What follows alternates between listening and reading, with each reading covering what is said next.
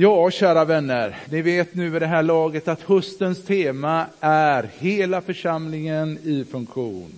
Ett tema som på riktigt fångar vad församlingen är, en livaktig kropp bestående av många delar, där var och en utav oss har fått en särskild uppgift.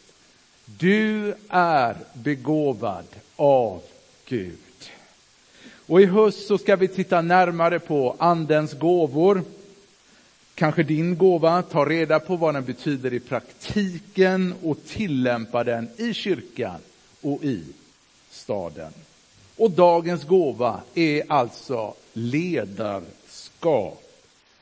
För det är nämligen så att somliga i församlingen har fått gåvan att, som det står i Romarbrevet, vara en hängiven ledare. Somliga har till och med begåvats av Gud att sitta i styrelsen. Också för det finns det en gåva och tack gode Gud för det. Det grekiska ordet för att vara hängiven det är samma, eller ja, det är besläktat med engelskans ord speed och jag tror att vi anar lite när vi hör speed att det är någonting liksom att vara driven, att vara överlåten, att vara uppdragsorienterad. Man är på väg någonstans. Vi sjöng här, det går en väg mot framtiden. Församlingen står inte still, den är inte statisk. Bibelns Gud är inte stum. Gud gör någonting också idag. halleluja på det. Sådana ledare, mina vänner, finns också i den här församlingen. Hängivna ledare. Och vi träffade en av dem, en hängiven söndagsskolledare. Och fler därtill finns aktiva i den här söndags förmiddagsgudstjänsten. Men vet du, jag tror också att det i församlingen finns fler som blivit begåvade med att vara hängiven som ledare. Kanske är det du. Och vi ska idag studera en av Bibelns kanske mest hängivna ledare. Vi hörde om Abraham och då får du gå till söndagsskolan om du vill höra mer om honom. Jag tänker att predika över en helt annan hängiven ledare och beröra hans syn på ledarskap. Gissa vem? Tre missionsresor, närmare kanske 20 planterade församlingar. Jag tror du anar, inget dåligt facit, eller hur? Jag talar förstås om aposteln Paulus. Och dagens bibeltext är hämtad utifrån Apostlagärningarnas 20 kapitel. Paulus liksom liv är på väg mot sitt slut. Han står där på stranden i Miletos och är på väg mot Rom. Och vi läser ifrån den sjuttonde versen. Från Miletos skickade Paulus bud till Efesos och kallade till sig församlingens äldste. När de infunnit sig sa han till dem, ni vet hur jag har uppträtt ibland er hela tiden. Jag har tjänat Herren i all ödmjukhet under tårar och prövningar. Jag har inte varit rädd för att låta er veta vad som gagnar er, utan har undervisat er offentligt och i hemmen och jag har enträget uppmanat både judar och greker att omvända sig till Gud och tro på vår Herre Jesus. Jag vet inte vad du ser när du eller vad du hör när du hör den här bibeltexten, men det tycks ju som att Paulus har bråttom. Han hade liksom inte tid att själv vandra den slingriga vägen upp till Efesos, utan han skickade efter de äldste. Han ville hinna till Jerusalem till pingstdagen. Paulus som också var ständig måltavla för smutskastningskampanjer verkar också ha känt sig tvungen att försvara sig själv och sitt ledarskap. Och där på slutet av sitt liv så är det som om Paulus vill försäkra sig om församlingens fortsatta tillväxt och därigenom återigen gå igenom sin syn på ledarskap. Ja, Paulus tycks ha bråttom. Det fanns liksom ingen tid när de äldste kom att småprata lite grann, utan det var pang på direkt. I blickfånget står inte Paulus själv. Nej, utan Guds älskade församling, den här, lika dyrbar som Jesu eget blod. Och det var för att Paulus insett hur dyrbar församlingen var som han var villig att försvara den där i Rom till varje pris. Paulus liknar liksom en läkare som följer upp sin patient för att försäkra sig om dennes tillfrisknande. Och att ja, det går som läkaren vill. Och eftersom Paulus var kallad till apostel, det var ju det som var hans tjänstegåva, hans kallelse, så behövde denna gåva kompletteras utav andra tjänstegåvor som tillsammans skulle göra de heliga mer fullkomliga.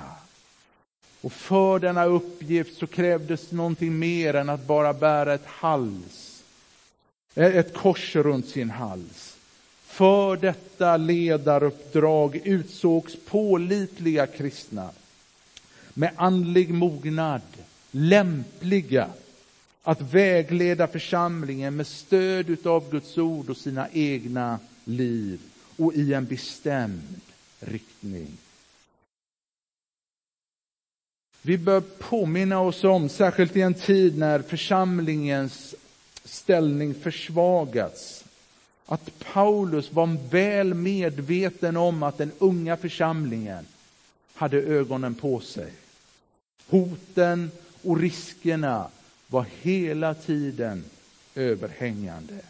Invändigt så var församlingen som en smältdegel bestående av olika kulturer och nationaliteter som i tron smält samman till en enda kropp. Och det behövdes inte mycket för att stridigheter skulle blossa upp. Framförallt ledarna, inte minst med tanke på deras position, hade ögonen på sig, både inifrån och utifrån. Och med tanke på vad som stod på spel så var församlingens ledare tvungna att vara särskilt föredömliga. Och därför så säger Paulus själv, ta mig till föredöme, säger Paulus. Ni vet hur jag uppträtt ibland er. Och han fortsätter. Nu känner jag mig tvingad att resa till Jerusalem utan att veta vad som skall möta mig där. Jag vet bara att den helige anden i stad efter stad försäkrar att bojor och lidanden väntar mig. Men jag anser inte att mitt liv har något värde för mig. Jag vill bara fullborda mitt lopp och det uppdrag som jag har fått av Herren Jesus. Notera att Paulus, troligtvis genom återkommande profetord, var väl införstådd med att både bojor och lidanden, alltså plural, väntade. Alltså ingen kan påstå att Paulus bara lyssnade till den helige ande när denne hade någonting roligt att säga. Trots att man vädjade till Paulus att inte resa, inte för att han hade hört fel, utan för att det väckte sorg, var Paulus ändå fast beslutsam att åka. Och han säger senare, jag är beredd att inte bara låta mig bindas, utan också dö i Jerusalem för Herren Jesu namn. Alltså trots att resan hittills varit allt annat än rofylld. Jag menar Damaskus, Lystra, Filippi, Thessaloniki, Beroja, Korint, Efesos. Så såg ju prognosen framåt inte ljusare ut. Paulus förklarar varför han var villig att fortsätta. Jag anser inte mitt liv vara värt mer än uppdraget. Alltså ända sedan omvändelsen var Paulus fast beslutsam att följa Jesus oavsett pris. Det var inte så att Paulus besatt någon unik talang för att vara kristen. Alltså mer än någon annan liksom. Några sådana människor finns inte. Och samma beslutsamhet att följa Jesus, den gäller ju för var och en utav oss, oavsett pris. Och Paulus han fortsätter tala till de äldste. Ge akt på er själva och på hela den jord som den heliga ande satt er att ha uppsikt över för att ni ska vara herdar för Guds församling så som han, har vunnit, som han har vunnit åt sig med sin sons blod. Jag vet att när jag har lämnat er ska farliga vargar som inte skonar jorden tränga in ibland er. Håll er därför vakna och kom ihåg att jag i tre års tid, dag och natt, har väglett var och en av er under tårar. Och nu anförtror jag er åt Gud och hans nåderika ord, det som ska göra er till hans byggstenar och ge er en arvslott bland alla dem som helgas. Ge akt på. Vad ser du för bild framför dig när du hör de orden? Ser du en pilot som är på väg mellan Landvetter och New York, slå på autopiloten och själv sätta sig i första klass och äta mat? Eller ser du en sjökapten utanför Tasmaniens sydkust en av jordens mest oförutsägbara och stormigaste hav. Läsa en bok medan fartyget driver fram på havet. Eller ser du en bilförare på motorvägen som kopplar på liksom farthållaren och själv tar en tupplur på vägen. Det är så klart att du inte gör. Alltså kanske var det under sjöresan på väg till Miletos som Paulus lärde sig det grekiska ordet proseko, ge akt på, som betyder att hålla ett stadigt grepp om rodret för att hålla en viss kurs. För att uppnå eller nå fram till ett slutmål. Alltså du och jag vet att det räcker med att släppa händerna från rodret ett litet tag för att naturkrafterna ska ta kontrollen över båten och olyckan är framme. När jag bodde på Klädesholmen så hörde jag berättas om en fiskebåt, och nu snackar vi en redigt stor fiskebåt som hade gått på grund, eller gick på grund, strax utanför Orust eftersom styrman hade somnat på bryggan. Det var en redig smäll, kan jag säga. Alltså Detsamma gäller ju vår relation med Gud. Det kristna livet ångar ju aldrig på bara av sig själv. Det räcker med att slappna av ett par dagar. Måndagar för pastorer är livsfarliga kan jag säga. Släppa ögat från, ögat från trons karta och kompass för att komma ur kurs. Det slår aldrig fel.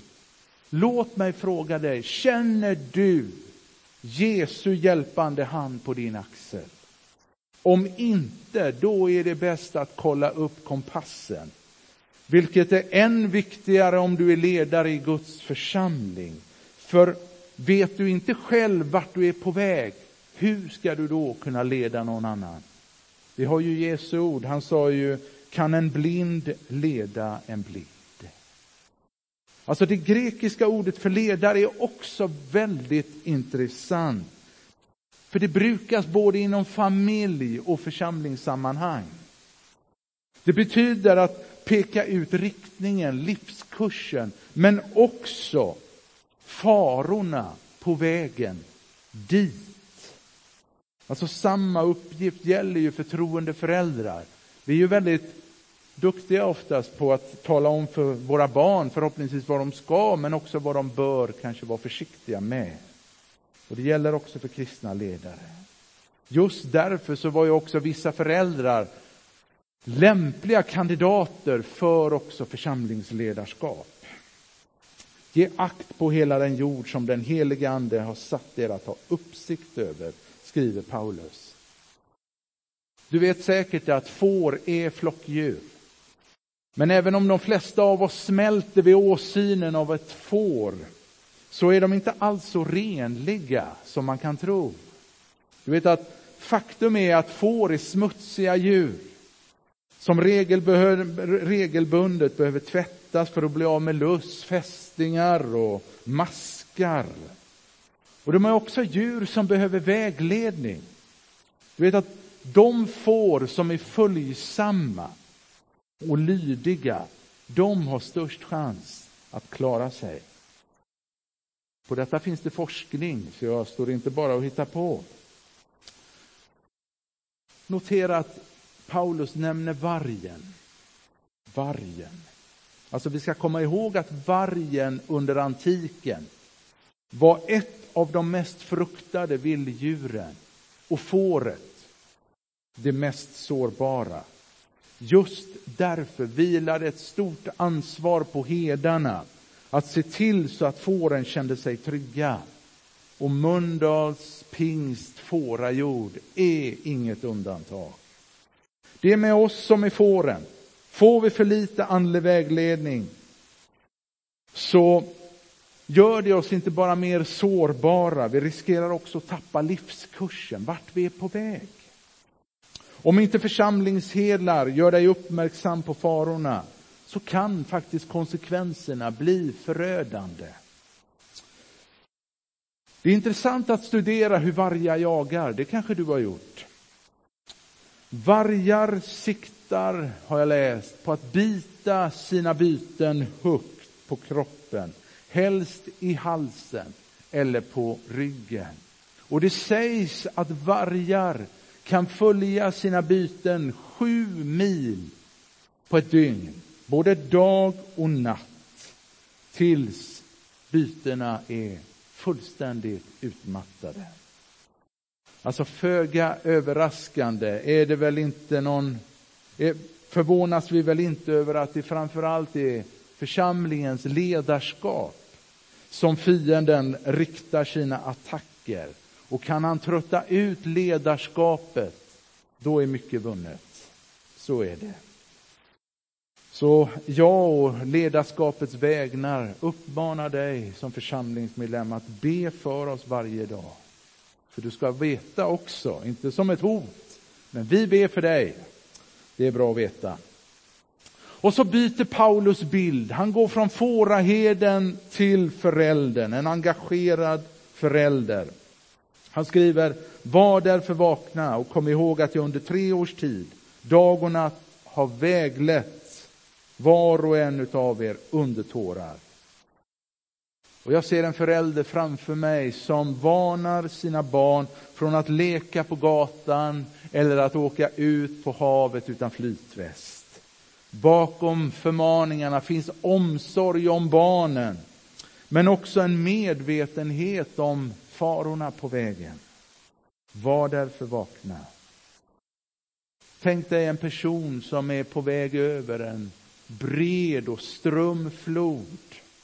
Varje steg måste tas med varsamhet för att hon inte ska halka på en sten och ramla i det strömma vattnet. Alltså, vi har en slug fiende en slug fiende. Paulus han skriver, Satan själv förklär sig till en ljusets ängel. Kan det bli mycket mer lurigt än så? Alltså oavbrutet och med list så ligger han på lur och väntar på sitt nästa byte. Vilken sida vinner? Det är en bra fråga. Jag skulle svara, jo den sidan som får mest mat. Alltså hur kan du och jag stå emot det onda. Hur kan du och jag stå emot det onda? Det första jag vill säga, fäst blicken på Jesus och släpp aldrig någonsin blicken. Grip Andens svärd. Vet du att det är ditt ansvar? Ja, jag och flera med mig tar vårt ansvar på söndag förmiddagarna och ger dig det dagliga brödet. Men Paulus han säger, grip Andens svärd. Det är ditt ansvar. Det är ditt liv som står på spel. Och håll dig till jorden. Jag tror att kristna som regelbundet kommer till sin församling har störst chans att klara sig. Det är så viktigt nu efter pandemin. Jag vet inte vem du träffar på på dagarna. Men uppmana församlingsmedlemmar att komma till kyrkan. Chansen är som störst att klara sig då. Och till sitt kärleksfulla ledarskap. Det här gillar jag. Tillfogar Paulus också tårarna som tycks vara många i dagens text. Paulus är i gott sällskap. Profeten Jeremia i Gamla testamentet kallas för tårarnas profet för sin sorg över folkets synder. Jesus grät över Lazarus grav, över Jerusalem och syndens börda i Getsemane. Och av alla Paulus ledaregenskaper som Timoteus tog till sig fanns också tårarna. Notera tårarnas omfattning i texten. Paulus säger att han har tjänat Herren under tårar. Hur gör man det? Under tre års tid, natt och dag, oavbrutet. Och lägg därtill med var och en av de äldste. Med var och en. Paulus han gick verkligen i Jesu fotspår. För också Jesus tycks ha lagt stor vikt vid den lilla gruppen. Han utvalde tolv lärjungar och av dessa tolv valde han att spendera extra tid med tre utav dem. Petrus, Jakob och Johannes. En gemenskap som kom att prägla den för livet. Just nu så inventerar församlingens ledarskap församlingens hemgrupper. Och jag vill uppmana dig, följ Jesus exempel och spendera tid också med andra i en mindre grupp. Prata med mig om du är intresserad så ska jag hjälpa dig att hitta en grupp. Men hallå, tårar, kom igen. Ska församlingens ledarskap verkligen vara så blödiga? Ja, jag tror att du håller med mig om att eftersom trons väg är kantrad av tuffa strapatser och villovägar så vet nog både du och jag, smärtsamt nog, att frestelsen på att ge upp, den är stor. Därav de andliga vägledarnas tårar. Kanske den minst framträdande sidan och minst kända sidan utav ledarskapet. Men kanske också den sidan som gör ledarskapet till bättre ledare. Men Gud vare tack. Till sin hjälp har församlingens vägledare en tydlig karta och kompass. Paulus han skriver, nu anförtror jag er åt Gud och hans nåderika ord som har makt att bygga upp er. Om evangeliet om Jesus Kristus kunde göra underverk i Paulus liv, då kan den göra underverk i ditt och mitt.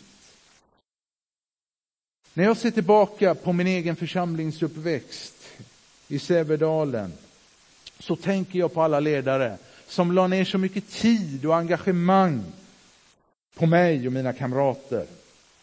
De var enkla, inga proffs.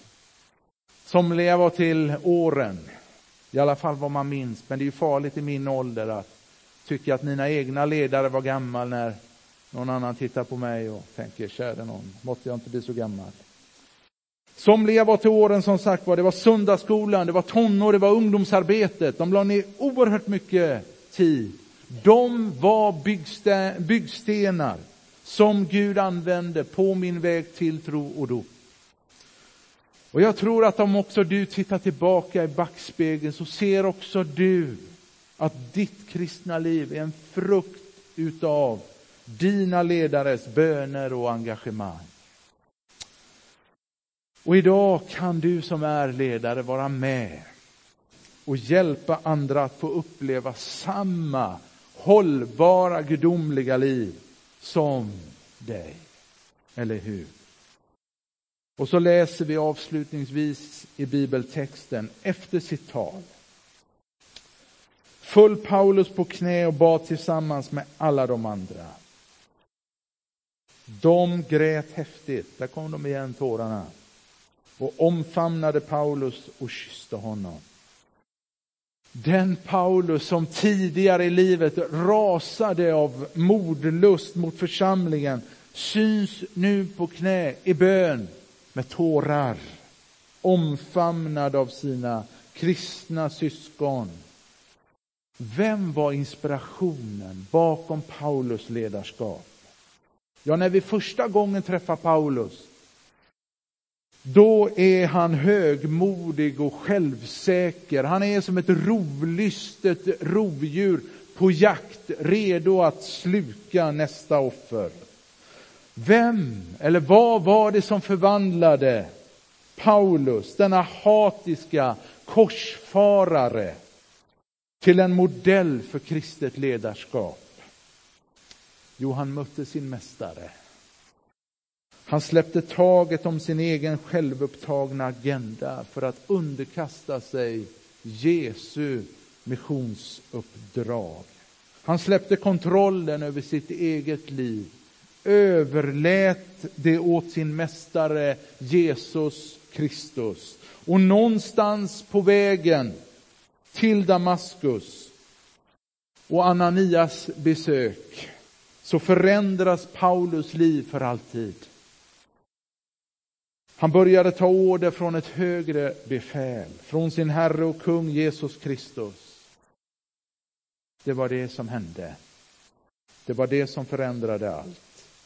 Jesus kallar på dig. Han säger kom, följ vägvisaren till livet. Tar du rygg på honom, då lovar jag dig att du kommer säkert fram. Du som tagit emot Jesus Kristus är utsänd på kungligt uppdrag.